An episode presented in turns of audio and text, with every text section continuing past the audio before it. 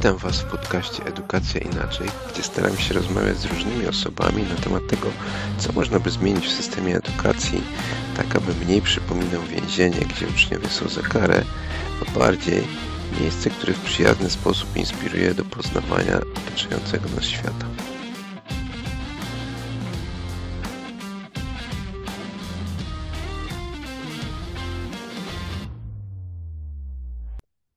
Cześć. Dzisiaj mam okazję porozmawiać z Aliną Czyżewską. Cześć Alina. Cześć. A czy może zechciałabyś nam się przedstawić swoimi słowami? Swoimi słowami. Mm, mm, Zastanawiałam się, y, co powiedzieć, bo pierwsze, co mi przychodzi obecnie na myśl, to jest słowo aktywistka, ale y, ludzie słysząc słowo aktywistka, wyobrażają sobie osobę, która na ulicach stoi z transparentem i walczy o prawa na ulicy, natomiast mój aktywizm jest bardziej taki sprzed komputera, y, oparty na analizie faktów, danych. mm, dokumentów, e, analizie prawnej. I, i, i na podstawie tego podejmuje działania, które są wysyłaniem pism, pis, e, pisaniem do kuratorium, zawiadomień do prokuratury. Więc e, może, żeby nie używać tego nieszczęśliwego słowa aktywistka, powiedziałabym działaczka obywatelska. W moim poprzednim życiu zawodowym byłam aktorką, gdzie tam też doświadczałam bardzo wielu naruszeń prawa, a takim moim przełomowym momentem było założenie ruchów miejskich w Gorzowie Wielkopolskim i włączenie się w taki nurt obywatelski. Potem stałam się też członkinią sieci obywatelskiej Watchdog Polska, czyli takiej organizacji, która patrzy władzy na ręce. No i z tego mojego przyglądania się władzy trafiłam do szkół jako siedliska, jak dla mnie, problemów z praworządnością w Polsce. To już wyprzedzasz moje kolejne pytanie. Właśnie chciałem się zapytać, w jaki sposób ty wylądowałaś w edukacji? Mm, To, była taka droga nieoczywista. Sama jestem w ogóle córką nauczycielki, więc od razu słuchające nas osoby, które uczą, uprzedzam, że ja wiem, jak wygląda praca nauczycielki. Moja mama była polonistką. I, i wiem, wiem, jak to w domu e, wygląda. Natomiast e, ja sama przeszłam przez system edukacji e, jako beneficjentka systemu. E, Czyli też nie robiąc w edukacji, nie mierzę się ze swoimi jakimiś krzywdami. Byłam szóstkową uczennicą, olimpijką, stypendystką i tak dalej. Dzisiaj widzę, jak bardzo mm, byłam właśnie beneficjentką systemu, jak bardzo on jest niesprawiedliwy i jak bardzo jest krzywdzący i jak bardzo my uznajemy za naturalne naruszanie praw i godności w szkole. A potem przenosi się to na nasz system społeczny i polityczny, w którym my, jako obywatele demokratycznego państwa prawnego, jesteśmy przez władzę wykorzystywani, traktowani jak poddani. My w ogóle nie rozumiemy demokracji. A to zaczyna się w szkole. Więc em, moja droga do szkoły w skrócie wyglądała w ten sposób, że mm, w mojej działalności aktywistycznej, e, obywatelskiej, m, patrzyłam równym organom na, na ręce, widziałam, jak władza samorządowa e, oszukuje obywateli, jak robi sobie PR obywatelami, jak nie zaspokaja podstawowych potrzeb wspólnoty samorządowej e, i jak po prostu robi układy, czyli wykorzystuje stanowisko władzy. E, Potem, e, więc wówczas zaczęłam pisać o tym, zaczęłam odpytywać radnych z ich działalności. Gdzieś to jakoś chwyciło. Pisałam też o tym ludzkim językiem, więc po prostu ludzie zaczęli mnie szerować, zaczęli się dopytywać, czasami zapraszać mnie na sesję Rady Miasta, kiedy już e, w takiej bezsilności obywatelskiej potrzebowali kogoś, kto tym radnym powie do słuchu, kto e, wyciągnie dokumenty i, i, i pokaże, że władza kłamie. E, Więc to były takie moje działania. Ja trochę opowiadam o tym, ponieważ osoby słuchające nas mogą nie wiedzieć, znaczy, bo nie ma takiego zawodu, który ja uprawiam. On właściwie stał się moim takim e, mm, działaniem na full etat, jeżeli nie na więcej etatów. Więc e, wykonuję coś, co jest bardzo potrzebne społeczeństwu, obywatelkom i obywatelom, którzy i które dbają o dobro wspólne, natomiast nie ma na to że tak powiem, pracy, e, zawodu. I w tej mojej właśnie działalności zaczęłam rozumieć, jak bardzo my nie rozumiemy jako osoby dorosłe, jako obywatele, mieszkanki, czym jest demokracja. My cały czas na kolanach wobec władzy się ustawiamy i to jest nasze takie ustawienie domyślne. E, przyznajemy władzy więcej praw niż de facto ona ma. Boimy się tej władzy, bo nie umiemy w solidarność, że tak powiem kolokwialnie. E, czyli e, nie wierzymy w to, że coś możemy zrobić. I potem takim moim granicznym doświadczeniem było to, że pojechałam do obozu dla uchodźców na wyspie Lesbos w Grecji. E, to był 2018 rok, czyli jeszcze przed tym kryzysem u nas na granicy. Wkurzona tym, co się u nas kłamliwie gada w przestrzeni publicznej na temat uchodźców. E, I tam zmierzyłam się z ogromnym hejtem wobec mnie za to, że ja pojechałam pomagać. Pojechałam robić dobre rzeczy. I spotkał mnie to ogromny hejt. Ja wtedy pierwszy raz wyszłam w ogóle ze swojej bańki, ludzi kultury, ludzi kulturalnych, e, ruchów miejskich i, i zobaczyłam taką bezinteresowną nienawiść.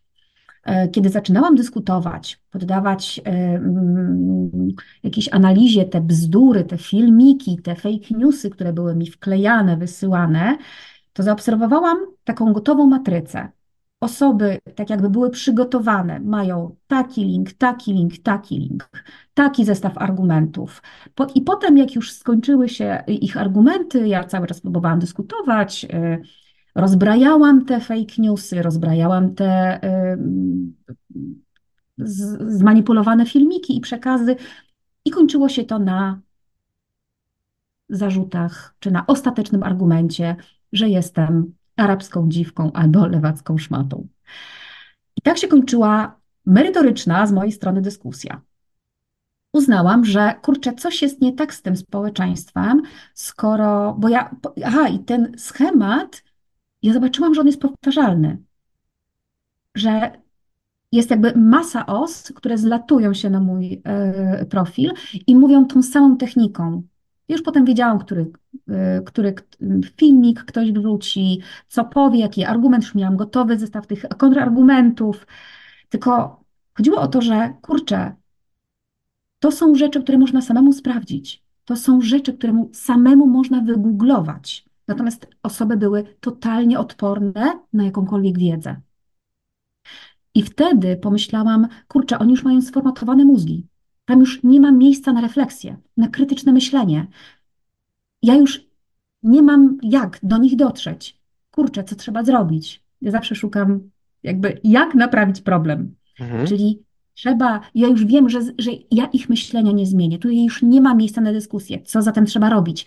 Trzeba robić coś, żeby nie dopuścić do tego, żeby tacy ludzie w ten sposób formatowali swoje mózgi. Czyli trzeba jakiegoś antywirusa zaszczepić na te łatwe, proste e, prawdy, na tą manipulację, którą e, tej osoby zostały, same się poddały i wierzą jak w wyznawcę jakiegoś, e, w Słowo Boże, no nie wiem, ktoś im mówi bzdurek, to dla nich jest autorytetem i oni w to po prostu wierzą, nie sprawdzając, nie weryfikując.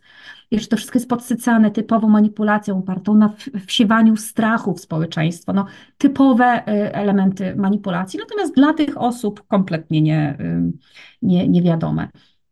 No i jaka była moja odpowiedź?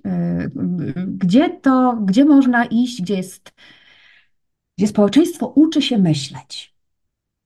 Gdzie można tego antywirusa na formatowanie mózgu zaszczepiać? No kurczę, do szkół. I wtedy zaczęłam jeździć y, jako wolontariuszka, ogłaszałam po prostu na moim Facebooku, że mogę przyjechać do szkoły, opowiedzieć o tych y, moich doświadczeniach w obozie dla uchodźców. I jak mm, zaczęłam jeździć, to mój program zmieniał się wraz z kolejnymi e, e, spotkaniami, bo na tych spotkaniach ja zobaczyłam, że argumentując, rozmawiając z młodzieżą, przedstawiając im fakty, rozbierając na czynniki pierwsze różnego typu manipulacje i kłamstwa, ja właściwie zaczęłam realizować podstawę programową. Z języka polskiego, z geografii, z wiedzy o społeczeństwie i z historii. My masę rzeczy nie rozumiemy z historii. To było takie moje olśnienie, cholera jasna. No tak, ale przecież nauczyciel y, sobie nie pojedzie tak jak ja, żeby zdobyć taką wiedzę z pierwszej ręki do obozu dla uchodźców. Co tu nie gra? E, I, i, i potem zaczęłam też y, bardziej interesować się, co się dzieje w tych szkołach, bo ja miałam wrażenie, że nic się nie zmieniło od tych 30 lat, 20, no, 20-30 lat. Jak zobaczyłam e, w, zeszyty piętnastolatków, zobaczyłam definicje z geografii. Definicje dokładnie te same, które mi wybrzmiały w moim mózgu, bo ja też ich się uczyłam. One były bez sensu, te definicje, one nic nie tłumaczyły, ale na sprawdzianie trzeba było napisać definicję. Ja z moim e, kapitałem, że tak powiem, ludzkim i kulturowym, czyli z takimi, a nie innymi DNA e, i genami od rodziców. Mam mózg, który umie zapamiętywać, więc zapamiętywałam te głupie definicje. Ale, ale chyba nie o to chodzi. Znaczy, wtedy ja nie wiedziałam, że nie o to chodzi w edukacji, ale po tych latach, jak zobaczyłam, że cały czas te same definicje, coś tu kurde nie gra. No to, co się na pewno zmieniło w te 20-30 lat, co mówisz, to jest to, że dostęp do informacji akurat mamy dość prosty, a Tak. więc pod tym względem te definicje nie mają e, rzeczywiście większego sensu, jeżeli wiemy, gdzie, gdzie możemy to znaleźć. E, ważniejszy jest właśnie ten, ten kontekst, ale mówisz, że wtedy jeszcze nie wiedziałaś, o co chodzi w szkole. To teraz już wiesz? E, tak, teraz Okej. już wiem. To o co w Twoim zdaniem chodzi w szkole, w szkole? Znaczy Nie, e, co nie gra w szkole. E, Taka moja pokrótce diagnoza, e, opinia na ten temat jest taka, że szkoła cały czas nie wyszła e, z komunizmu, a właściwie z folwarku. Czyli tak, zmienił, odkąd ja byłam w szkole, zmienił się system polityczny, gospodarczy, uchwaliliśmy demokratyczną konstytucję, weszliśmy do Unii Europejskiej, powstał internet, mnóstwo odkryć nowych, a w polskiej szkole jest tak samo jak, jak ja ją pamiętam, a nawet trochę gorzej w niektórych sytuacjach i bardziej absurdalnie i bardziej przemocowo. I zobaczyłam, że mm, w tym moim takim watchdogowym e, mózgu e, zaczęłam e, po prostu zadawać sobie pytania, ale o co chodzi? Bo tak, my mamy pewien automatyzm. Za moich czasów tak było, więc dla nas teraz, co, co jest obecnie w- i czego doświadcza młode pokolenie, to jest takie naturalne, ponieważ my byliśmy też tak wychowani. No ale nie, świat się zmienił a szkoła jest cały czas taka sama. Zmieniły się oczywiście zabawki, tak? Są jakieś interaktywne tablice i inne, natomiast w większości szkół jest folwark. I oczywiście możemy pogadać, na czym on polega, ale nie, nie, nie, nie, wiem, jaki masz, jaką masz kolejność pytań, e, więc tutaj oddaję Tobie Dobra, ale, ale to jest na zasadzie, że jest folwark, ale e, moje pytanie było bardziej, jak myślisz, po co tak naprawdę mamy szkołę? Tak, tak, A, jaki, mhm, jaki okej. jest, Mhm. jaki jest cel, że, że szkoła istnieje? Okej. E, W moim przekonaniu. I właściwie to też wynika z różnego typu mm, aktów prawa międzynarodowego i naszych e, przepisów. Szkoła publiczna, powszechna jest takim wynalazkiem społecznym, w którym e, wyrównujemy różnice społeczne. My nie mamy wyboru, w jakiej rodzinie się urodzimy jakie kompetencje kulturowe, intelektualne wyniesiemy z domu. Natomiast w budowaniu społeczeństwa ważna jest ta dwunastoletnia formacja do życia społecznego. I to, czego nie nabyliśmy w domu, na przykład, możemy wyrównać w szkole. Jeżeli w domu mamy deficyty, przemocową rodzinę, to my w szkole powinniśmy mieć środowisko, w którym mimo tego, że nie mamy gruntu dobrego pod nogami w domu, to tutaj możemy odkrywać siebie, naszą, naszą tożsamość, budować poczucie wartości, budować poczucie sprawczości, wyrównywać nierówności, rozwijać się. Czyli Mhm. to jest taki wynalazek, gdzie społeczeństwo uczy się y, społeczeństwa oraz relacji z władzą. To jest ciekawe z tą relacją z mhm. władzą, bo, bo to, e, ta, ta pierwsza część, co mówiłaś, to, to jest coś, co mi zajęło dosyć długo, przyznam się, zrozumienie. Dopiero jak się zainteresowałem tak e, edukacją, e, też po ukończeniu własnej edukacji, E, I kilka lat mi zajęło, jak tak obserwowałem sobie, co się dzieje, że tak naprawdę problemem społeczeństwa, który szkoła powinna naprawiać, to powinno być właśnie takie wyrównywanie szans. To, co mówisz, że tak naprawdę największym kosztem społeczeństwa są ci ludzie, do których szkoła nie trafia. To niekoniecznie muszą być ludzie, do, którzy, że że tak powiem, mają zaplecze kulturowo czy tam genetyczne jakieś kiepskie. To może być po prostu, że ta forma przekazywania wiedzy, memów kulturowych e, nie trafia do nich i oni potem kończą jako ci, którzy no, mają problemy w społeczeństwie, czy, czy to popadanie właśnie w, e, w jakieś skrajności typu, że no nie wiem, przestępczość, czy coś takiego, że mają problem w odnalezieniu się w pracy i, i mi, troch, mi, mi, mi to chwilę zajęło, Ale to, że to jest też kwestia tego, jak my sobie radzimy z władzą, to pod tym kątem jeszcze na to nie patrzyłem. mhm. A to, to, to za chwilkę powiem, tylko czy uzupełnię Twój poprzedni wątek. Mhm. E, to są nie tylko osoby, które sobie nie radzą i mają gorzej, to są też osoby, które są zagospodarowywane przez ruchy nacjonalistyczne, przez ruchy skrajnie prawicowe, przez ruchy jakieś antagonizujące społeczeństwo. Bo te osoby zostały przez system upokorzone. Tak, to jest, to jest dobra diagnoza, wydaje mi się. mhm. E, przytaczam zawsze w tym momencie e, taki cytat e, z Kapuścińskiego, z podróży z Herodotem. Nigdy nie upokarzaj ludzi, bo będą żyć chęcią zemsty za to upokorzenie. I teraz tak, jeżeli my upokarzamy ludzi w szkołach, a szkoła jest miejscem upokarzania, naprawdę, i my nawet nie rozpoznajemy tego upokarzania, e, to potem jako dorosłe osoby my nie mamy poczucia solidarności. Jak nam się uda wybiec przed szereg, to my potem jesteśmy na przykład szefem, który wykorzystuje pracowników, bo sobie musi odbić, chce odbić, chce pokazać sobie w nawet nieświadomy sposób. Tutaj mówię też o mechanizmach psychologicznych, że jestem kimś. Kiedyś mną pogardzano, teraz ja mogę pogardzać innymi. I w ten spo- sposób tworzymy sobie na przykład toksyczne e, zakłady pracy. Czy na przykład kult siły, kult zwycięzcy. Polska szkoła cały czas jest oparta o rywalizację, o to, kto jest najlepszy, o konkursozę jakąś też. Konkursy, konkursy, kto fajniejszy, kto lepszy. Potem rodzice się angażują w robienie tych konkursów, w, jakby w załatwianie, żeby dziecko dostało tą, ten punkcik, bo, bo, bo, żeby dziecku przykro nie było. Ja myślę, To, że nie tyle przykro. To z, moim zdaniem tu interes rodziców jest jasny. Dobra szkoła, dobra praca.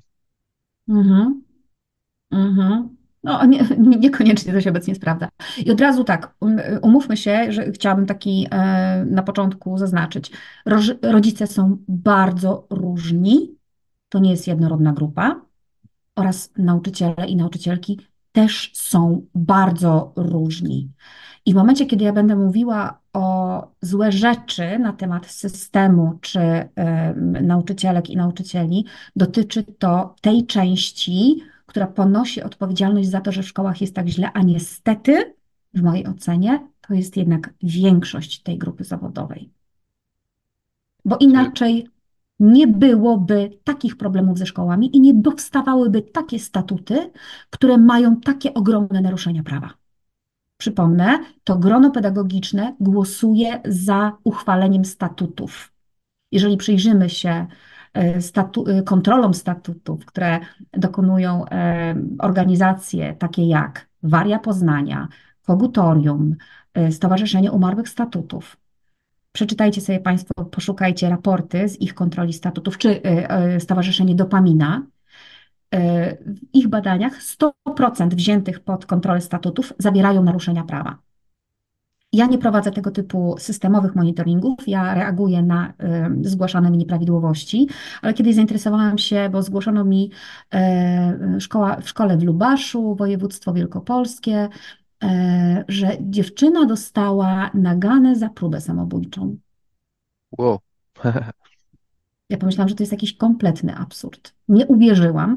Sprawdziłam statut. Ojej, w statucie jest napisane minus 40 punktów za samookaleczanie. Kto mógł to wymyślić? No ale dobra, no to wpisuję w Google, czy jest tego więcej. No i oczywiście okazało się tak. W Warszawie czy w Pcimiu Dolnym, tak, są szkoły, nawet takie, które mają za patrona Janusza Korczaka, które wpisują punkty naganne, punkty minusowe, nagany za samookaleczanie. Polska szkoła. I kto, kto głosuje za tymi, za uchwalaniem tego typu statutów? Nauczyciele, większość Rady Pedagogicznej podnosi rękę za tego typu statutami. Stąd też mój wniosek o tym, na ten temat, że jednak większość nauczycieli kompletnie nie rozumie tego systemu i działa na szkodę dzieci. Ja, Możemy też wydaje, tutaj że, że, potem że pogadać, repli- y, mhm, y, się, porozmawiać też, y, jaka jest moja tam pomysł, skąd się to bierze, jeżeli chodzi o, o właśnie problem tego zawodu, ale poczekaj, bo mm, mieliśmy wątek, od którego zrobiłam tą długą dygresję, a miałam powiedzieć o czymś innym. I teraz y, proszę Mhm. cię, aha, od razu pilnuj mnie, ponieważ ja mam zdiagnozowane dwa lata temu ADHD, więc skłonność do, do dygresji to jest y, moje ustawienie domyślne. Jak jest ważne, to myślę wróci, wrócimy do tego natura, naturalną koleją rzeczy. Jak nie, to może nie. No, rozmawialiśmy o tym, że szkoła wyszła z folwarku, z komunizmu, e, ja, jaka jest funkcja szkoły, że tam się dzieje upokarzanie ludzi, e, którego my nie rozpoznajemy, co mi się bardzo podobało, że tak za, zaznaczyłaś to, że my tego nie rozpoznajemy i to rzeczywiście idzie ręka w rękę z tym, z tym co mówiłaś, że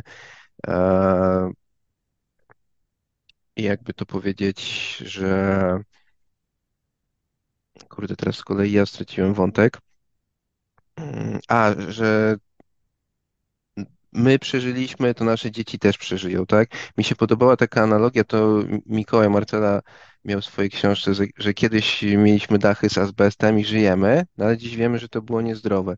Z kolei z Anną Szuckiewicz, jak rozmawiałem, to ona miała e, taką analogię z wychodkami, że no kiedyś ludzie żyli i mieli wychodek tam na zewnątrz, nawet jak było minus, tak jak teraz w Polsce było mi, y, mocno na minusie, to dalej z tego wychodka korzystali, ale dzisiaj już wiemy, że można lepiej. Tak samo też ta psychologia się pojawiła, wiemy dużo więcej, jest ta neurodydaktyka, a szkoła często stoi w miejscu i Mhm. podo podoba mi się też to, co zaznaczyłaś, że że nie mówisz tutaj o całej grupie, że mówisz o pewnej reprezentacji. Ja, ja też się spotkałem z, z tym w internecie, że tak, takie postawienie sprawy pod tytułem, że o nauczyciele są źli, rodzice są źli, to od razu wywołuje dużo takich skrajnych emocji. Nie zawsze ta dyskusja przez to ożywienie o, wnosi, powiedziałbym. Więc, więc to mi Mhm. się podoba. Wymieniałaś też te, tą, y, do, dopaminę, kogatorium, Stowarzyszenie Umarłych Statutów. Ja do, wszyscy, linki do tego wszystkiego zam- zamieszczę w, w notatkach do odcinka. A, I tak, tak jak Cię słuchałem, to mi się wydawało, że to trochę nawiązuje do tego, co wyszło, jak rozmawiałem z Marcinem Stiburskim, gdzie on mówił, że no często tak nauczyciel to jest taki człowiek, który dobrze sobie radził w szkole, wiedział, jak się odnaleźć w tym systemie, no i on wrócił i jest teraz z drugiej strony. To też się może trochę wpisywać w to, co mówiłaś, że no kiedyś ja byłem szefem, znaczy może inaczej, kiedyś ja miałem szefa, e, on się na mnie jakoś tam wyżywał, czy m- można inaczej, eksploatował mnie mocno, bo to niekoniecznie musi być wyżywanie. Teraz ja będę kogoś eksploatował i to jest taka replikacja, że ten, ten człowiek wraca do tej szkoły i on znowu robi to, co było, więc jeżeli taki statut jest prezentowany, no to no, nie różni się mocno od tego, co mi się wydaje, jak powinna szkoła działać, bo doświadczyłem takiej, a nie innej szkoły, no to okej, jedźmy z takim statutem. A dwa, Mhm. no to jest jednak jakaś władza, ten dyrektor. No to ja mu się nie będę stawiał, bo stawianie się było złe. E, Dobrze jest y, przy, przyklaskiwać i nie mieć wrogów, więc robię. I do tego jeszcze wchodzi to, co moim zdaniem jednak mimo wszystko jest dosyć ważne, że to wynagrodzenie nauczycieli w Polsce jest jakie jest. E, I Mhm. często jest takie poniżanie wręcz nauczycieli ze względu na to. I coś, czego, co mi się bardzo nie podoba, to jest jak mi się zdarza ze znajomymi e, rozmawiać o czymś i schodzi na edukację, jeszcze nie daj Boże są przy tym ich dzieci I oni jeżdżą po tych nauczycielach z góry do dołu, jeszcze wspominają to, że a w ogóle to kiepsko zarabiają i posz, poszli tam, bo, bo nic innego nie mogli robić. To też wydaje mi się kompletnie nie służy tutaj nam sprawie. Mhm. Aczkolwiek moje obserwacje przez kilka lat tutaj e, obserwowania tej strefy edukacyjnej to są jednak mimo wszystko takie, że e, realna zmiana wydaje mi się, że może od, e, odejść od strony nauczycieli, bo wśród rodziców nie za bardzo widzę jakiegoś takiego działania, e, które by pączkowało. Z kolei wśród nauczycieli, no, są ludzie, którzy próbują coś zmienić, są ludzie, którzy mówią głośno o, o różnych rzeczach, są ludzie, którzy podejmują pewne wyzwania, e, którzy po, poświęcają swój czas poza pracą, żeby szerzyć pewne rzeczy, do, do, doszkalać się. Mhm. A Nie wiem, jakie są Twoje obserwacje, czy, czy wśród, y, wśród uczniów też widzę dużo ludzi, którzy, którzy działają, zresztą z Twoją pomocą też, y, też na pewno niektórzy, ale wśród rodziców to aż tak tego dużo nie widzę. I też w rozmowach y, często wychodzi, że tak naprawdę rodzic jest zainteresowany właśnie tą grą taką na to, co znam, czyli dobre oceny, dobre świadectwo, dobre studia, dobra praca, no to oczywiście się nie zawsze sprawdza, ale jestem ciekaw, jak ty widzisz ten cały ekosystem, bo to niby powinien być taki współpracujący trójkąt, uczeń, nauczyciel, rodzic. A jak to Mhm. jest w twoim odbiorze? E, e, Słuchaj, poruszyłeś tyle wątków, e, że ja nie zdążyłam zanotować, bo kartka dopiero później, więc poczekaj, po kolei. Wiesz co, znaczy, rodzice zaczynają się uaktywniać. Przynajmniej jakby w, w mojej działalności widzę teraz większą świadomość wśród rodziców. Być może właśnie dzięki temu, że się zaczyna o tym dużo mówić i rodzice, którzy myśleli, że trzeba akceptować patologię, zrozumieli, że nie, nie trzeba że ta patologia jest de facto naruszaniem prawa i że można coś zrobić. I ja obecnie widzę ogromny ruch, znaczy duży ruch rodziców, którzy chcą coś zrobić. Niestety rodzice trafiają, znaczy stają się ofiarami takiego, no, nazwijmy to roboczo mobbingu. Mówię roboczo, bo mobbing to jest coś, co występuje w sytuacji pracowniczej, ale mechanizmy są te same: wykluczania te, tego rodzica, obmawiania go. E, No, tam dużo zachodzi takich mechanizmów. E, mm, Na przykład znam e, taki przypadek, że nauczycielki, które naruszały prawo, a rodzice, cztery matki poszły do wychowawczyni, ażeby o tym porozmawiać, te nauczycielki e, wysłały e, pozew o naruszenie e, dóbr osobistych przez te matki. Czyli Jezu, to o coś, czym oni, czego czy o czym rodzic oni ma, rozmawiali? e, no, o błahej rzeczy de facto. E, Tylko, że ego jest jakoś tak dziwnie skonstruowane wśród y, osób, które uczą, że y, jakakolwiek krytyka powoduje jakieś takie zaburzenie. To już jest kwestia chyba dla jakichś psychologów. Takie totalne zaburzenie, poczucie bezpieczeństwa, atak. Ro- Wiesz co? Może ja będę trzymała się prawnych rzeczy, bo prawo bardzo fajnie to wszystko porządkuje i też będzie porządkowało naszą rozmowę, bo ja lubię powoływać się na obiektywne rzeczy, a prawo jest czymś bardzo obiektywnym. E, I prawo to są de facto zapisane w przepisach wartości. Wartości, na które my jako społeczeństwo, jako państwo się umawiamy. I przepisy to nie jest aj, zła biurokracja, aj, papierologia, aj, w ogóle niedobre, tylko przepisy są po to, żeby chronić obywatelki i obywateli przed wszechmocą władzy e, przepisy i, i, i procedury. Dlatego ja kocham procedury. y, Czasami słyszę że, że jestem jakąś służbistką. Chodzi o to, że prawo jest obiektywne i prawo naprawdę skonstruowane jest po to, ażeby chronić wartości. A wartości, jakie są w szkole, to jest poszanowanie inności, to jest e, współpraca rodziców z nauczycielami, e, to jest poszanowanie godności ucznia, e, przez naruszanie godności e, dochodzi do upokarzania na przykład. Czyli ja, może teraz artykuł 40 Konstytucji, zakaz poniżającego traktowania. Codziennie w szkole artykuł 40 Konstytucji jest naruszany. W jaki sposób? Na przykład w taki, że ktoś, nauczyciel naśmiewa się z dziecka. wyśmiewa go z jego nazwiska, bo ma jakieś e, nazwisko, nie wiem, typu Kret na przykład. Ja miałam taki przypadek w swojej szkole. E, czy wyśmiewa jakąś odpowiedź nieprawidłową, czy wyśmiewa jaką, y, czyjś sprawdzian. To są sytuacje bardzo upokarzające. Czy na przykład y, wystąpienie, nie wiem, czasami jakieś szkoły piszą y, listy w ramach kary, lista osób, które dostały nagany. Często niesłuszne to są nagany.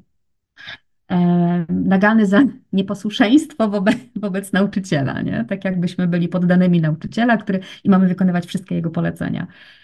E, no, więc y, to, to są takie mm, upokarzanie w młodych ludziach, znaczy w ludziach, którzy są młodzi, dla których funkcjonowanie w grupie rówieśniczej jest bardzo mocnym elementem budowania jego tożsamości. Upokarzanie dziecka na tym tle grupy rówieśniczej w tym e, momencie rozwoju jest po prostu zbrodnią na, e, na psychice człowieka.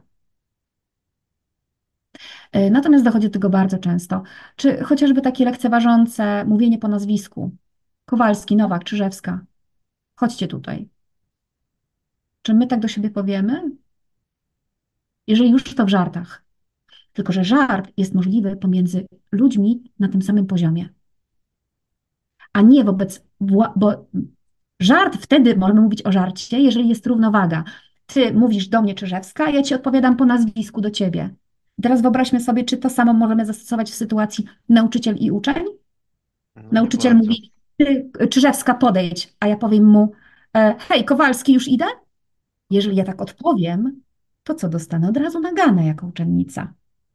I za czego my uczymy? Hipokryzji. Uczymy się, że władzy można więcej, że nie ma równości, że ta równość, o której mamy tam w Konstytucji, to jest w ogóle takie umowne.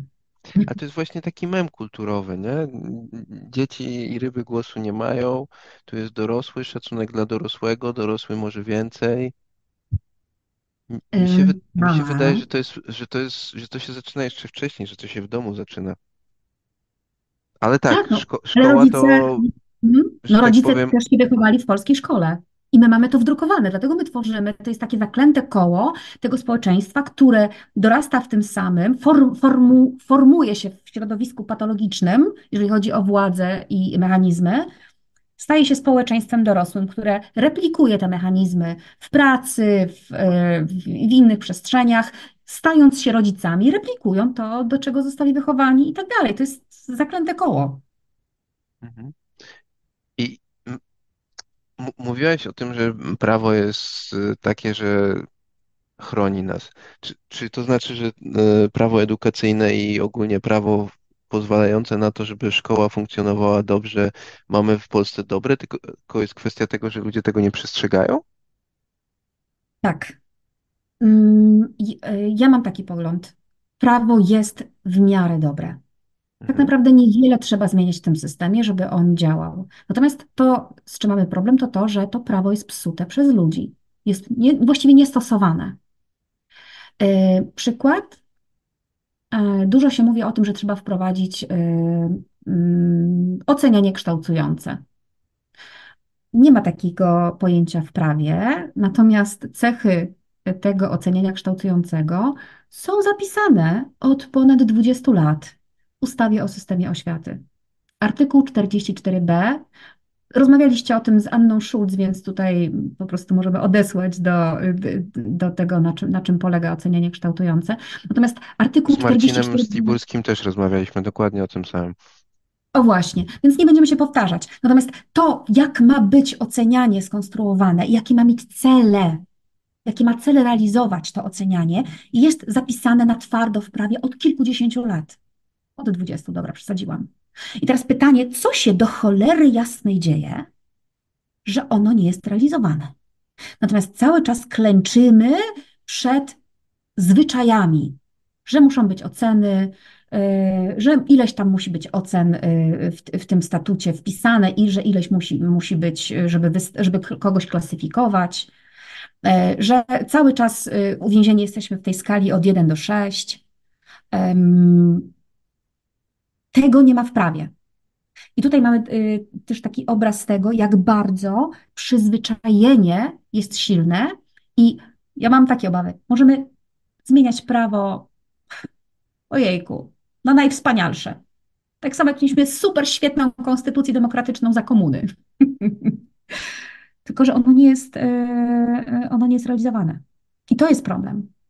I moim odkryciem było to, takim moim w ogóle zmianą e, myślenia o, o społeczeństwie, o Polsce, o narodzie, o, nie, nie o szkole, było to, cholera jasna, szkoła to jest przestrzeń codziennego naruszania praworządności. I to taka trochę kpina y, losu, że my krzyczymy o tej konstytucji, krzyczeliśmy na, na, w mediach, na ulicach, mówimy o praworządności, że trzeba ją, że PiS ją niszczy i tak dalej. Hej, ale skąd się to bierze? Skąd się to bierze to, że władza może więcej? Że, że władza, że, że, e, że my jesteśmy zależni od widzimy się władzy. No jak? No uczymy się tego przez 12 lat w szkole. Tam my uczymy się, że jesteśmy poddanymi, a nie obywatelami i obywatelkami. Że prawo to jest coś, co służy temu, żeby nas ukarać, a nie żeby nas ochronić. I my się władzy mamy bać i się jej podporządkowywać. Ale nie o tym jest demokracja. Tylko, że nigdy tego się nie dowiedzieliśmy w naszym takim rozwoju y, społecznym. E, to bać i podporządkowywać to tak idzie w parze z tym, co ja sobie myślę o szkole, co zresztą mam tutaj w intro do podcastu, że mi się marzy taka szkoła, która mniej by przypominała więzienie, a bardziej takie miejsce, gdzie, gdzie, gdzie człowiek nie jest e, no, za karę, może nie do końca za karę, ale z przymusu. Mhm. E, nawet e, chyba w tych badaniach PISA mm, wyszło ostatnio, że e, tego samopoczucia w szkole i poczucia mm, wiem, związania ze szkołą polscy uczniowie bardzo niskie tam przejawiali e, noty. Mm, znaczy, ja coraz więcej mam do czynienia z rodzicami, którzy, mm, e, którzy pytają, co można zrobić, e, co oni mogą zrobić dla swojego dziecka, jeżeli w dzieciach rozwija się lęk przed szkołą. E, I to mm, oczywiście większość społeczeństwa w tym momencie mówi: O, to każdy tak ściemnia i coś. No nie. Jednak rozmawiając z psychologami i psycholożkami oraz psychiatrami, a rozmawiam z nimi, oni też widzą, że coś jest nie tak. I nie chodzi o to, że dzieci są przewrażliwione, że te dzisiejsze dzieci jakieś tam coś. Przede wszystkim te dzieci nie są winne temu, jakie są. Za to, jakie są dzieci, ponoszą winę dorośli i nie tylko rodzice, społeczeństwo, no oraz dzieci rodzą się w takim, a nie innym czasie. E, czasie rozwoju cywilizacji, który też atakuje bardzo, znaczy wpływa bardzo na nasz system nerwowy. I tak, dzieci mają bardziej rozstrojony y, system nerwowy niż dzieci wychowywane w latach 80. E, ale to nie znaczy, że mają się być wytresowane do tego, żeby były skakały jak małpki, tak jak dorośli chcą. Trzeba brać pod uwagę te wszystkie zmienne. E, I, i, i poczekaj, bo zgubiłam wątek, a chciałam powiedzieć o. O czym ja chciałam powiedzieć? Mm, PISA, przynależność. E, aha, no i tak, e, i, e, je, czyli badanie satysfakcji młodzieży chodzącej do szkoły sprowadza się do tego, a, znaczy rozmowa o tym, a ja też nie lubiłem chodzić do szkoły. No nie, więc zauważmy, że mamy inne czasy, inne problemy, inne społeczeństwo, a szkoła ze swoją ofertą jest bardzo często w latach 80. Szkoła dzisiaj budzi jeszcze większą frustrację niż za moich czasów, bo jak ja musiałam e, wpływać e, jakieś bezsensowne bzdury, ja nie miałam konkurencyjnych, nie, ja nie miałam dostępu do innych informacji, do konkurencyjnych informacji, które są ciekawe. E, dzisiaj jest jest dostęp do informacji. Jak dzieciak się czymś interesuje, on może stać się w, w tym większym specjalistą czy specjalistką niż dorosły. I na marginesie, młodzież, która jest zajawiona prawem oświatowym, piętnastolatkowie Szesnastolatki bardziej znają prawo niż nauczyciele i dyrektorki. Ale tu mają I to bardzo duży interes w tym, żeby się tego uczyć w momencie, szczególnie jeżeli ich prawa są łamane, nie? tak, tak, ale mają na to zajawkę, oni chcą wiedzieć. E, Szkoda, że tego chcę wiedzieć o środowisku prawnym zawodu, którego, który wykonuję, że tego pędu nie ma wśród nauczycieli. A i chciałabym jeszcze obalić jeden mit. E, Bardzo często jest powoływanie się, że no bo te przepisy tak się zmieniają i tak dalej. Po pierwsze, drodzy nauczyciele, drodzy dorośli, jeżeli piętnastolatkowie mogą ogarnąć te niezwykle zmieniające się przepisy, w cudzysłowie i z kminą to mówię, to tym bardziej chyba wy powinniście to umieć i ogarnąć. A po drugie, nieznajomość środowiska prawnego swojego zawodu nie może być usprawiedliwione. Musicie znać przepisy, które organizują waszą pracę. Musicie znać przepisy, które mówią, czym jest ocenianie. Ale tak to samo jest ciekawe, jak, jak w to wchodzi rodzic, nie? Poczekaj, bo, bo tak, to tak samo jakbyśmy mówili, e, jakby architekt nam powiedział, a zbudowałem taki walący się most, bo te przepisy to się zmieniają szybko. Przepisy budowlane też się szybko zmieniają. Tylko skąd my mamy takie jakby usprawiedliwienie na to takie lenistwo umysłowe u nauczycieli? To jest chyba grupa, która najmniej się uczy. I teraz od razu mówię, nie mówię o, cał, o, o, o wszystkich nauczycielach, mówię o tej jednak moim zdaniem dominującej grupie która tworzy ten system i która również wypala tych nauczycieli, którzy chcą postępować dobrze. Y, Marcin Stiburski, wróćmy do niego. No, y, y, on jest przykładem osoby, która weszła już w dojrzałym wieku do szkoły jako nauczyciel, z innym doświadczeniem zawodowym. I zobaczył, że tam wszystko opiera się na jakichś przesądach i mitach. To jest w Z- ogóle, to jest w ogóle Zdekonstruujmy tak, jeden, no, zdekonstruujmy jeden z takich mitów. Tajemnica Rady Pedagogicznej. Coś takiego w prawie nie istnieje. Protokoły Rady Pedagogicznej są informacją publiczną. Każdy może zawnioskować o protokół z Rady Pedagogicznej, o wszystkie dokumenty, które szkoła wytwarza. Mm, To je- jeden z, z tych mitów, na które się powołują e, e, nauczycielki i nauczyciele. Nawet jeden z, e, mm, z dyrektorów, jak uczeń zapytał o protokół z Rady Pedagogicznej w trybie ustawy o dostępie do informacji publicznej, ów dyrektor napisał y, płomienny list do rodziców, alarmujący o możliwym naruszeniu prawa i że syn chce naruszyć tajemnicę Rady Pedagogicznej. To, to jest śmieszne. Mówimy o technikum leśnym w Warcinie, tak. Nie trzeba, nie trzeba ukrywać po prostu osób, które zasiadają na stanowiskach, a kompletnie nie znają prawa. Znaczy, to jest żałosne. Ja jestem zdumiona tym, jak dyrektorzy nie znają prawa. Inny dyrektor, e, zespół szkół handlowych w Poznaniu, e, wlepił na, naganę uczniowi za to, że uczeń e, zrobił petycję skierowaną do, żeby uczniowie podpisali, podpisywali o zmianę y, w statucie. O zmianę w statucie, ponieważ zaczął się interesować prawem, zobaczył, że tam są, jest mnóstwo naruszeń w tych statutach i stworzył petycję, którą chciał złożyć do dyrekcji. Za to dostał naganę, ponieważ, uwaga, dyrektor stwierdził, że y, zbierając podpisy stworzył zagrożenie dla życia i zdrowia, bo na korytarzu było dużo osób, które chciały podpisać petycję. I to nie koniec absurdów, poczekaj, bo jest jeszcze y, y, druga strona. Ja pytam, a właściwie to dlaczego mm, zbierałeś na, y, na korytarzu? Przecież mogłeś na boisku szkolnym, nie? Zbierać. Znaczy, to w ogóle jakby można zbierać na korytarzu, nie? Ale akurat mhm. był kwiecień i w ogóle można było zrobić z tego jakiś piknik. On mówi, ale u nas nie wolno wychodzić na przerwie na, z budynku szkoły. Wow! I w tym momencie mamy do czynienia z naruszeniem przepisów przeciwpożarowych oraz rozporządzenia w sprawie bezpieczeństwa i higieny w szkołach. Komu powinna się należeć nagana? Na pewno nie uczniowi. I teraz y, mówimy o dyrektorach, znaczy każda władza demoralizuje. Rozwiązaniem jednym z postulatów wprowadzenie kadencyjności. Dwie kadencje na y, bycie, bycie dyrektorem i zmiana musi być na stanowisku. Szkoły to są też środowiska mobbingu. Również ten mobbing powodowany jest tym, że to są wieloletnie y, y, dyrektury, z wieloletnimi układami.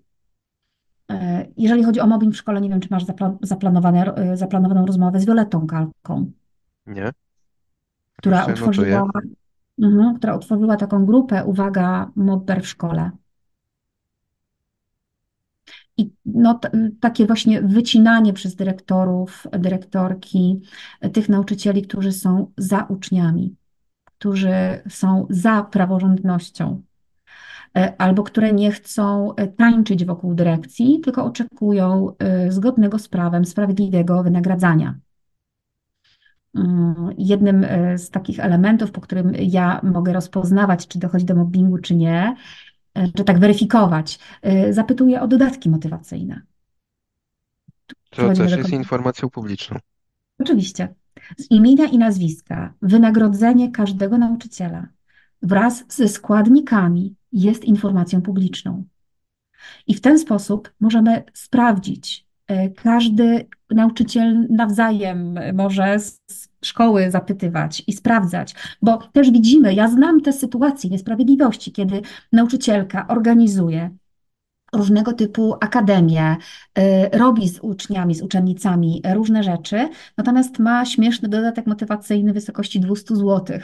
Natomiast osoba, która jest blisko dyrekcji, dostaje 1500 zł za nic. Też słyszałem o takich przypadkach, niestety. Tak, więc tajemnica i niemówienie o zarobkach, ukrywanie, nieprzejrzystość finansowa jest czynnikiem, który pozwala na dyskryminowanie, na mobbingowanie, na naruszanie prawa. Jawność sprzyja. E, I na przykład jednym z elementów, e, znaczy, nauczycielki, nauczyciele bardzo często ym, sprzeciwiają się temu, że, żeby ich, e, że, że jawności swoich zarobków. Ale ja namawiam do spojrzenia w ten sposób. Przejrzystość za- zarobków chroni was przed nepotyzmem, przed faworyzowaniem swoich ulubieńców przez dyrekcję. To jest gwarancja przejrzystości i tego, że można zobaczyć i rodzice zobaczą, o nie, nasza ukochana wychowawczyni ma jakiś śmieszny dodatek motywacyjny, a ona tyle z nami, z, nas, z naszymi dzieciakami robi.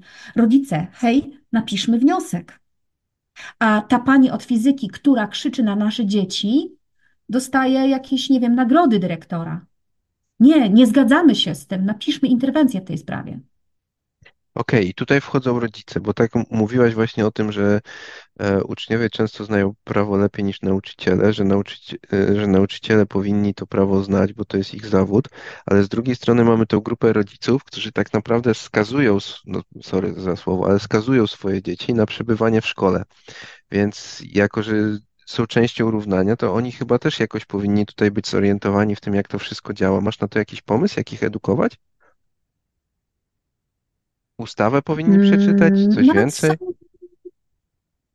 co, nawet są narzędzia prawne na, na, na to, jak, jak, jak można edukować rodziców, ponieważ wiesz, przypuśćmy, mamy problem, że są rodzice, którzy są przemocowi wobec swoich dzieci, albo na przykład zezwalają im na e, nadużywanie e, mediów społecznościowych. To jest realny problem. A co rozumiem przez nadużywanie mediów społecznościowych? E, W ogóle in, internetu, e, nie, e, chodzi mi o przemoc Cza- czas, stosowaną. czas ekranowy, czy, czy chodzi E, nam o... Tak, też czas ekranowy jak najbardziej, ale też cyberprzemoc, która się dokonuje A, wśród e, dzieci, czy oglądanie treści pornograficznych. Dorośli nie orientują się w ogóle, co się dzieje w tych social mediach. Ta afera z, jak to się, pamiętasz jesienią e, 23 roku m, od Patos Patoce, Treatment? patocelebryci, tak? Co Celebryci, wyszło... tak, tak. tak. Okazało Tak. się, właśnie, to, to tak. Temu, żeby młodzi ludzie nie dawali się nabrać na tego typu rzeczy, żeby mieli ostrożność, żeby rozpoznawali, żeby też mieli poczucie własnej wartości i nie, żeby nie trzeba było szukać tego potwierdzenia e, u tego typu ludzi, to tutaj jest rola wychowawcza szkoły. I uwaga, podkreślam, wychowawcza rola szkoły. Nauczyciele bardzo często rzucają, że szkoła nie wychowuje, od wychowywania są rodzice. No, Przepraszam, to jest bardzo sobie. często. Pozwolę sobie w tym momencie, przepraszam z, z góry, Szanowni Państwo, gówno prawda. Spójrzcie w przepisy prawne.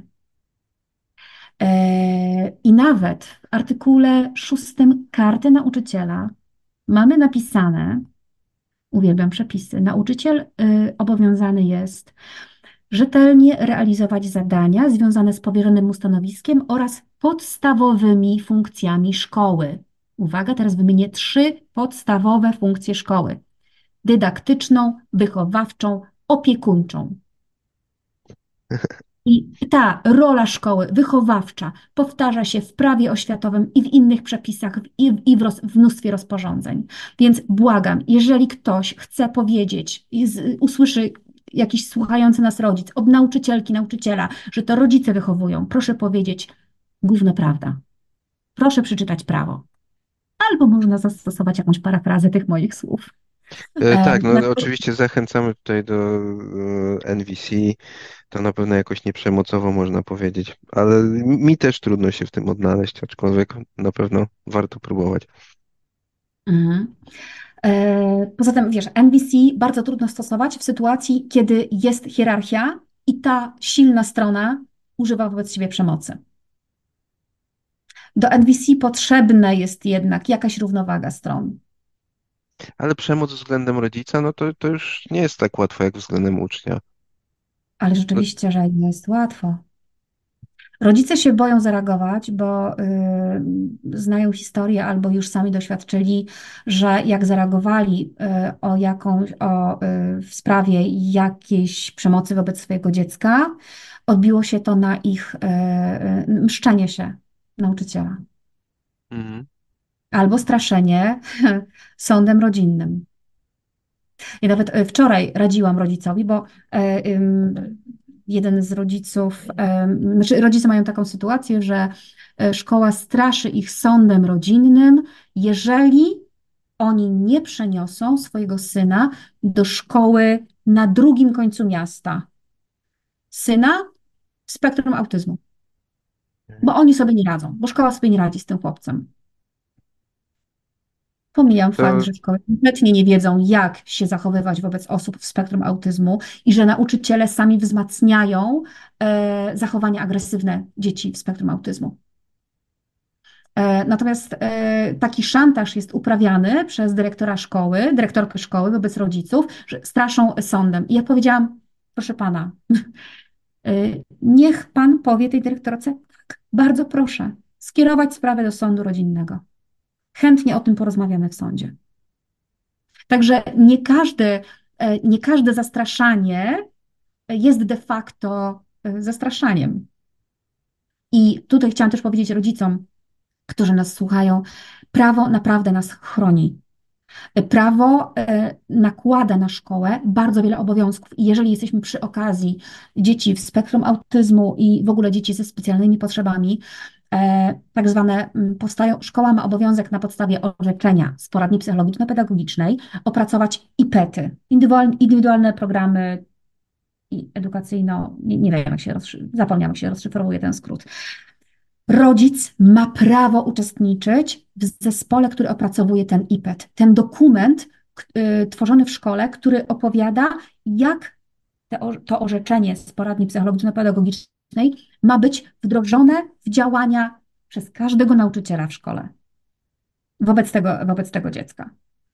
Y, Rodzice zazwyczaj, w ogóle nawet im się nie pokazuje tego IPET-u. Uważa się, że to jest w ogóle dokument wewnętrzny szkoły, co jest bzdurą. E, I w ten sposób jakby rodzic oddaje dziecko, coś wobec tego dziecka się robi, co kompletnie nie przynosi skutku. Dziecko jest jeszcze bardziej rozdrażnione, jeszcze bardziej straumatyzowane, coraz więcej przejawia agresji również w domu, nie chce chodzić do szkoły. Wow, co się dzieje, droga szkoło? Ktoś sobie nie radzi, ale to nie jest wina dziecka. tak, to mi się bardzo podoba, że ostatnio się pojawia więcej takich głosów, że problemy dziecka to są tak naprawdę problemy dorosłych. I mi się wręcz podobało, jak ktoś tak wyciągnął, że no, jak posyłasz dziecko na tusy, to się zastanów, czy sam nie powinieneś na te tusy pójść, bo jednak skądś to dziecko się tych rzeczy uczy. Skądś ciągnie, czy jakkolwiek jakieś takie terapie dla dzieci, to czy aby ten rodzic, czy aby ten nauczyciel też nie potrzebuje iść na tą terapię, żeby on też był w stanie podejść do tego dziecka?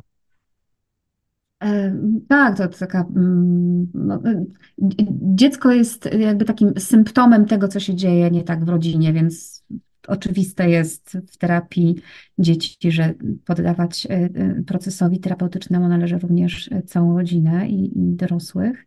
Natomiast w szkole, no, w szkole mamy takie oczekiwanie, że tam będą specjaliści, specjalistki które będą rozumiały, że jeżeli dziecko w spektrum krzyczy, to nie dlatego, żeby pani nauczyciel zrobić na złość i żeby jej rozwalić lekcję. I być może jego krzyk jest w reakcji na krzyk nauczycielki, na podnoszenie głosu. No ale tutaj nie chciałabym wchodzić, bo nie jestem specjalistką od Mhm, autyzmu, nie od neuroróżnorodności. Ja tylko mam swoją neuroróżnorodność ADHD. Natomiast też bym poleciła Aśkę Ławicką, mhm. która No, też świetnie, zamieścimy link. tak, E, No, to, to, to jeżeli, więc jeżeli chodzi właśnie o to, to są też nierealizowane działania, e, orzeczenia poradni psychologiczno-pedagogicznej, czyli to dziecko w szkole powinno zostać objęte opieką, e, natomiast nie jest, szkoła nie realizuje tych wskazań. Jest zaniedbywane dziecko, jego potrzeby wskazane przez inną instytucję są zaniedbywane. Z czym mamy w tym momencie do czynienia? z przemocą systemu szkolnego, znaczy danej szkoły wobec dziecka. Bo my w tym momencie wiemy, czego to dziecko potrzebuje. I nie zapewniając mu warunków do jego harmonijnego rozwoju, definicją przemocy wobec dziecka jest również zaniedbywanie tego dziecka. I to jest też karygodny grzech polskich szkół, że próbują się pozbyć tych dzieci. Natomiast o dziwo nie pozbywają się, mówię o tutaj o moim, mojej praktyce, nie pozbywają się dzieci e, osób na stanowiskach, dzieci uprzywilejowanych z tego powodu, że rodzic jest kimś, radną e, albo prac, nie wiem, czym, kimkolwiek ważnym w społeczności, albo dziecko, które jest olimpijczykiem. Te dzieci mogą upokarzać, bullyingować inne dzieci i nic się wobec nich nie dzieje. I takich szkół jest bardzo dużo. Ja myślę, że tu warto też wspomnieć o tym, że często, przynajmniej z obserwacji w moim otoczeniu, jest tak, że nawet jeżeli to otoczenie jest, to jest duży problem, żeby znaleźć tego nauczyciela wspomagającego, który według tego orzeczenia powinien być. Mhm. I, i, I ja też tutaj widzę, że tu może być taki problem na zasadzie nie chcemy tych dzieci, tak, co, co, co, co nie jest fajne, ale to jest jawnie z tego powodu, że też wiemy, że nie jesteśmy w stanie im nic zapewnić w tej szkole, bo po prostu próbujemy zatrudnić tego człowieka i nie możemy go zatrudnić od dłuższego czasu, albo tych, co zatrudniamy, to widzimy, jak pracują, nie daj Boże. Mhm. E, Pamiętaj, ja nie zajmuję się tymi szkołami, w których jest dobrze. Mhm. E, I szkołą, w których, w których ja, ja ja też ja wiem, że jest niedobór nauczycielek, nauczycieli, że jest niedobór specjalistów. E, I tym szkołom jestem w stanie jakby pomagać. I tutaj jakby dam parę tipów, podpowiedzi, bo szkoły Szkoły też są robione w konia. Znaczy tak, uczniowie są robieni w konia rodzi przez nauczycieli, przez szkoły. Rodzice też.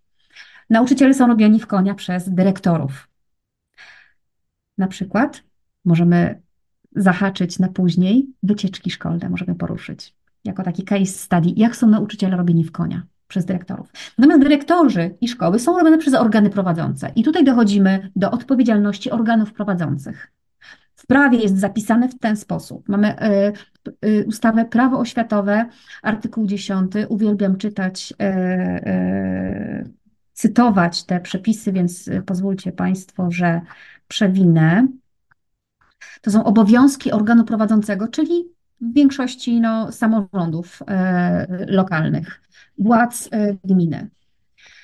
Y, Artykuł 10. Organ prowadzący szkołę odpowiada za jej działalność. Do zadań organu prowadzącego szkołę lub placówkę należy w szczególności zapewnianie warunków działania szkoły lub placówki, w tym bezpiecznych i higienicznych warunków nauki, wychowania i opieki. Zapewnienie tych warunków to znaczy, że mają być e, ciepłe pomieszczenia, mają być remonty robione. Nie dlatego, że dyrektor padnie na kolana i poprosi o pieniążki, tylko dlatego, że to jest po prostu obowiązek samorządu. I teraz samorządy powiedzą, ale my nie mamy pieniędzy. A ja powiem, nie, macie, szanowni państwo, pieniądze, tylko wydajecie je nie tam, gdzie trzeba. Budujecie stadiony? To budowanie stadionu nie jest zadaniem własnym gminy. Co więcej, budujecie te stadiony bardzo często dla spółek, które są podmiotami prywatnymi. A sport, finansowanie sportu zawodowego i zawodników i prezesów tych klubów, którzy zarabiają ogromne pieniądze, to nie jest zadanie własne gminy. Podstawowym obowiązkowym zadaniem gminy jest edukacja. I na to mają, te potrzeby mają być w pierwszej kolejności y, zapewnione.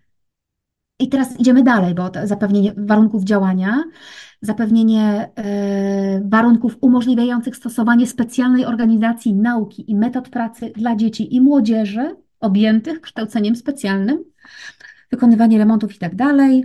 E, ale czekaj, bo tutaj jest kilka.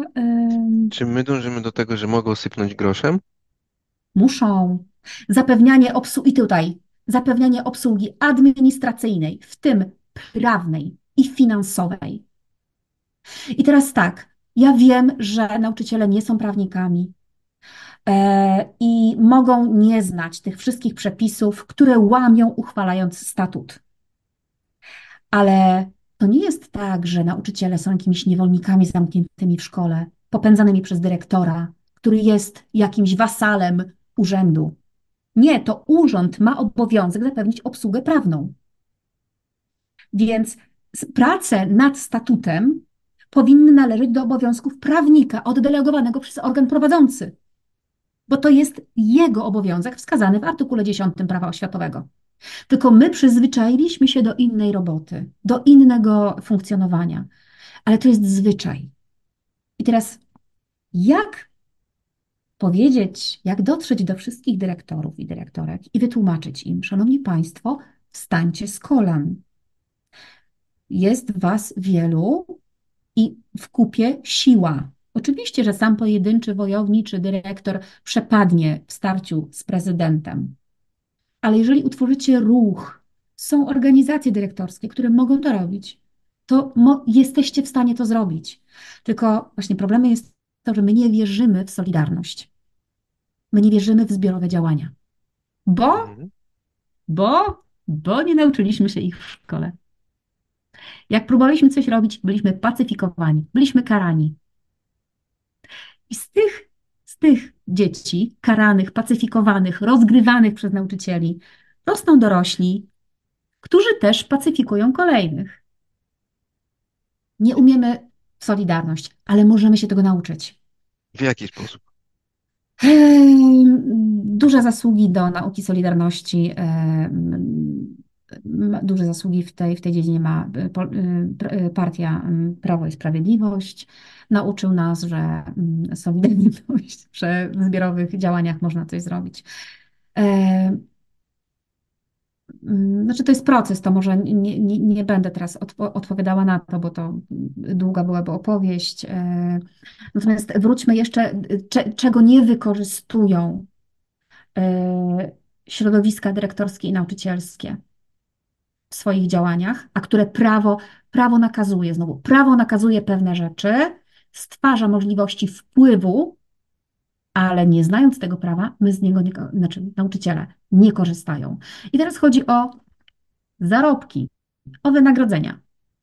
Nie wiem, czy wiesz, ale yy, część składników wynagrodzenia jest ustanawiana nie na poziomie Wielkiej Polski i ustawy, tylko na poziomie mm, samorządu. To czemu Czyli- cały czas w mediach funkcjonuje to, że nauczyciel mianowany, nauczyciel taki, maki, owaki, tyle, tyle, tyle i wszędzie w Polsce tyle samo? O, o ścieżce rozwoju kariery nauczyciela możemy za chwilkę, natomiast no, to, tak, no bo o tym wy- wygodnie mówić. Jeszcze ja nie wiem, dlaczego właściwie Nie gadamy o tym. Ja dzisiaj wrzuciłam posta, rozmawiamy 9 stycznia. Wrzuciłam posta o tym, e, bo w zeszłym tygodniu ukazało się w mediach warszawskich, że 150 konkursów e, na dyrektorów będzie w tym roku, nie ma kandydatów, bo i ratusz tam narzeka, że no, bo przepisy, e, bo wynagrodzenia niskie. No ale halo, drogi ratuszu, drogi panie Trzaskowski, kto ustala dodatki za stanowisko kierownicze lub pełnienie funkcji jakiejś? Organ prowadzący. Tak samo za wychowawstwo. Ustawa mówi, że to ma być minimum 300 zł. I to minimum 300 zł dotyczy każdej gminy w Polsce. Malutkiej, biednej wsi dotyczy minimum 300 zł za wychowawstwo na terenie tej gminy. Zgadnij, ile w Warszawie wynosi dodatek za wychowawstwo? No 300 zł przecież. No nie, szarpnęli się, wiesz? Szarpnęli 350? się 380 brutto. Okej. To jest pytanie, hej, Warszawo, panie Trzaskowski, jak ty szanujesz pracę nauczycieli, skoro wzbijasz się o marne 80 zł, złotych brutto wyżej niż najbiedniejsza wieś? E, Stanowiska, e, dodatki funkcyjne za stanowisko dyrektora przedszkola. Tutaj jest e, sobie Rada Gminy uchwaliła, że w zależności od liczby oddziałów i mamy takie stawki. Pamiętaj, mówimy o Warszawie. Dyrektor przedszkola od 500 złotych. E, Przedszkole do pięciu oddziałów, a jeżeli przedszkole ma 9 i więcej oddziałów, to maksymalnie może wyszarpnąć od 1100 do 2000 złotych brutto. Za to, że jesteś kierownikiem, szefem e, e, instytucji, odpowiedzialną za bezpieczeństwo do cholery jasnej dzieci. Ale co, co to znaczy, że ma 9 oddziałów? To, zna, to znaczy, że, że jest, jesteś, jesteś dyrektorem kilku przedszkoli, tak naprawdę fizycznych? nie, nie. W przedszkolu są grupy. A, Jeżeli okej. w przedszkolu jest pięć oddziałów, to zarabiasz od 500 do 1400. Mhm. Te widełki w ogóle też są nie, y, niezgodnie z prawem ustanawiane, ale to już mniejsza z tym. Będziemy unieważniać tą uchwałę u wojewody. Natomiast y, przejdźmy do szkół podstawowych. Ja też właściwie nie rozumiem, dlaczego szkoły podstawowe, dyrektorowanie szkole podstawowej jest niżej oceniane, ni, niżej wyceniane przez władzę niż dyrektorowanie szkołom ponadpodstawowym. Nie No rozumiem. trudniejsza młodzież, jeszcze nie sformatowana. Poczekaj, w podstawowej jest niesformatowana, to No trudniejsza. tak, w liceum, w liceum już jest sformatowana, to łatwiejsza sprawa. Ale czekaj, ale ja mówię o tym, że w podstawowych jest mniej, są niższe stawki. A, to ja zrozumiałem, że jest w drugą stronę. Okej. Nie, nie, nie, nie, wiesz, tak jakby im starsze dziecko, tym poważniejsza sprawa. No nie, każ bycie dyrektorem każdej instytucji jest ważne. No ale dobra, zobaczmy te stawki y, warszawskie, szkoły podstawowe. Dyrektor szkoły liczącej do 12 oddziałów zarabia, może mieć ten dodatek funkcyjny od 700 do 2000 złotych. To mówi powtarzam. ustawa? Nie, Rafał To- Trzaskowski. Okej, Rafał dobra. Trzaskowski, czyli samorząd warszawski. Te składniki to, to jest decyzja nie złego czarnka, który był i zniknął, nie ustawy rządu. Naprawdę to jest na poziomie naszego bliskiego samorządu, naszej gminy, naszej rady gminy de facto, czyli radnych, których my wybieramy, żeby reprezentowali nasze interesy i nasze postulaty w Radzie Miasta. To oni uchwalają, oni podnoszą rękę za tym, żeby dyrektor szkoły podstawowej, który e, ma 60 oddziałów, czyli klas, zarabia za tę robotę 1900 zł brutto. No, to jest śmieszne. Śmieszne. Tak. E, I ja trudno mi odpowiedzieć na pytanie, dlaczego my o tym nie rozmawiamy, dlaczego my nie wskazujemy tego kawałka odpowiedzialności, którą ponoszą te samorządy za te karygodne zarobki nauczycieli. Tymczasem, y, bo jak wstawiłam tego posta, y, radna z Nowogardu wysłała mi stawki nowogardzkie. Nowogard to jest małe miasteczko pod Szczecinem. I słuchaj, małe miasteczko pod Szczecinem, e, za stanowisko dyrektor szkoły liczącej y, tam najmniej może, może, za, może dostać 3,5 tysiąca, a najwięcej 4300 dodatku funkcyjnego. No to po co żyć w tej stolicy? No właśnie. Znaczy, Może, to, to może to jest pokazuje, przywilej po prostu mieszkać w stolicy. tak, właśnie, jeszcze dop- dopłacajmy do tego, e, tak. Mm. I e, gdzie, e, skąd pieniądze, no to już mówiłam, sport zawodowy na przykład oraz promocja miasta. Tam, to, to są studnie pieniędzy wydatkowanych na promowanie osoby prezydenta na przykład, na robienie sobie kampanii przedwyborczej za pieniądze publiczne, nasze pieniądze. A to fajnie, że my rozmawiamy, bo ja sobie kompletnie z tego sprawy nie zdawałem. Ja myślałem, że o, jesteśmy zdani na to, co tutaj rząd ustali. Czekaj, to ja jeszcze, to jeszcze dołożę. Jeszcze jednej, e, e, nie tylko samorządom, ale również e, ZNP, związkom nauczycielskim, związkom zawodowym. Ale oni przecież zapewnili 15% zniżki w wakacje na parkach wodnych Santago. To co my, co my do nich mamy? Przecież no piękna sprawa. Jezu, Drodzy nauczyciele, przestańcie, y, przestańcie tworzyć, współtworzyć ten związek, y, naprawdę, ten związek zawodowy. Związek Nauczyciel, Nauczycielstwa Polskiego. Już Wam wytłumaczę dlaczego. Otóż karta, y, karta nauczyciela, artykuł chyba 30 mówi właśnie o tym, że te stawki za godziny ponadwymiarowe, dodatki motywacyjne, dodatki funkcyjne, dodatki za wychowawstwo uchwala Rada Gminy. I teraz uwaga, w uzgodnieniu ze związkami zawodowymi. Czyli na to, żeby taka uchwała została klepnięta na sesji Rady Miasta, musi być uzgodnienie ze związkami zawodowymi. I w tym moim momencie jest: Halo, panie broniarz, gdzie pan jest w tym momencie? No, pewnie załatwia 15% w Santago, tak? Jeszcze na Przecież jakieś to książki jest było. farsa. To jest kpina. To jest kpina ze związkowców i w ogóle z funkcji związków zawodowych. To jest e, organizacja chyba z dość dużym budżetem, która za pieniądze wasze, drodzy nauczyciele i nauczycielki, robi was w konia, bo nie wypełnia swoich obowiązków. Nawet wam pewnie nie mówi o tym, że wy macie takie prawo. E, Jeszcze tylko sprawdzam, upewniam się w karcie nauczyciela. mm, e, dokładne sformułowanie, też prawo jest bardzo precyzyjne i tam każde słowo ma e, znaczenie i sens. E, Mimo, że na, normalnie w życiu one mogą występować jako synonimy, to jednak w prawie jest bardzo duża różnica, na przykład pomiędzy tak, zasady i regulacje. To są dwa różne w ogóle ob- ob- obszary. I teraz patrzę. Tak, artykuł 30 ustęp 6. Organ prowadzący szkołę, będący jednostką samorządu terytorialnego, uwzględniając przy- bla, bla, bla, bla, określa dla nauczycieli w drodze regulaminu wysokość stawek dodatków, o których tam mowa wcześniej i tak dalej. Em, I, ta, I 6a, regulamin podlega uzgodnieniu ze związkami zawodowymi zrzeszającymi nauczycieli. I teraz słowo uzgodnienie to nie jest zaopiniowanie. Nie ma prawa stanąć taka uchwała na sesji Rady Miasta, jeżeli to nie będzie uzgodnione ze A co by się stało, jakby taki związek zawodowy powiedział nie, nie zgadzamy się. E, Muszą, muszą e, rozmawiać, muszą dojść do uzgodnienia.